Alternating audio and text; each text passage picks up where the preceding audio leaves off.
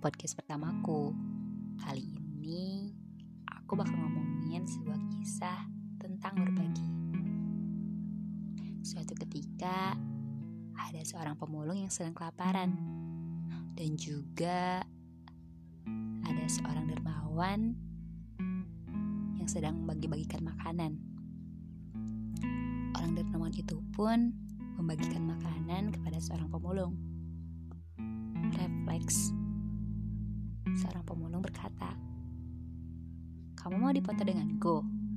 tanyanya. Seorang dermawan bertanya, "Kenapa harus berfoto denganmu?" Seorang pemulung hanya berkata, "Dahulu setiap orang yang memberikan nasi bungkus selalu minta foto kepadaku." Aku sempat terpikir, mengapa aku rela membiarkan harga diriku dipermalukan hanya untuk sebungkus nasi.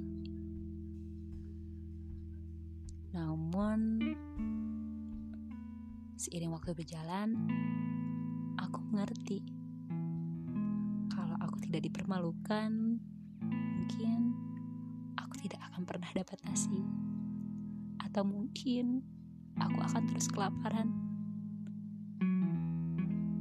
Ini adalah sebuah kisah yang luar biasa.